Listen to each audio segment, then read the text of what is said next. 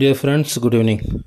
Tomorrow, that is on 24th of uh, March, the elections to the urban local bodies in Odisha is going to be organized to be held. The election uh, will begin at uh, 8 a.m. and the voters will be allowed to cast their vote up to 5 p.m. That's in the evening. So please go to the nearest uh, booth and uh, exercise your uh, voting right to the right candidate that you choose. Certainly, you might have uh, come across different uh, slogans and different uh, methods adopted by different candidates.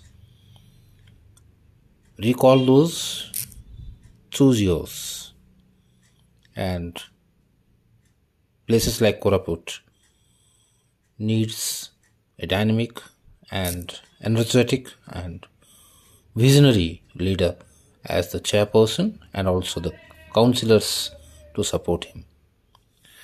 Thank you for listening to Radio Koraput. Namaskar.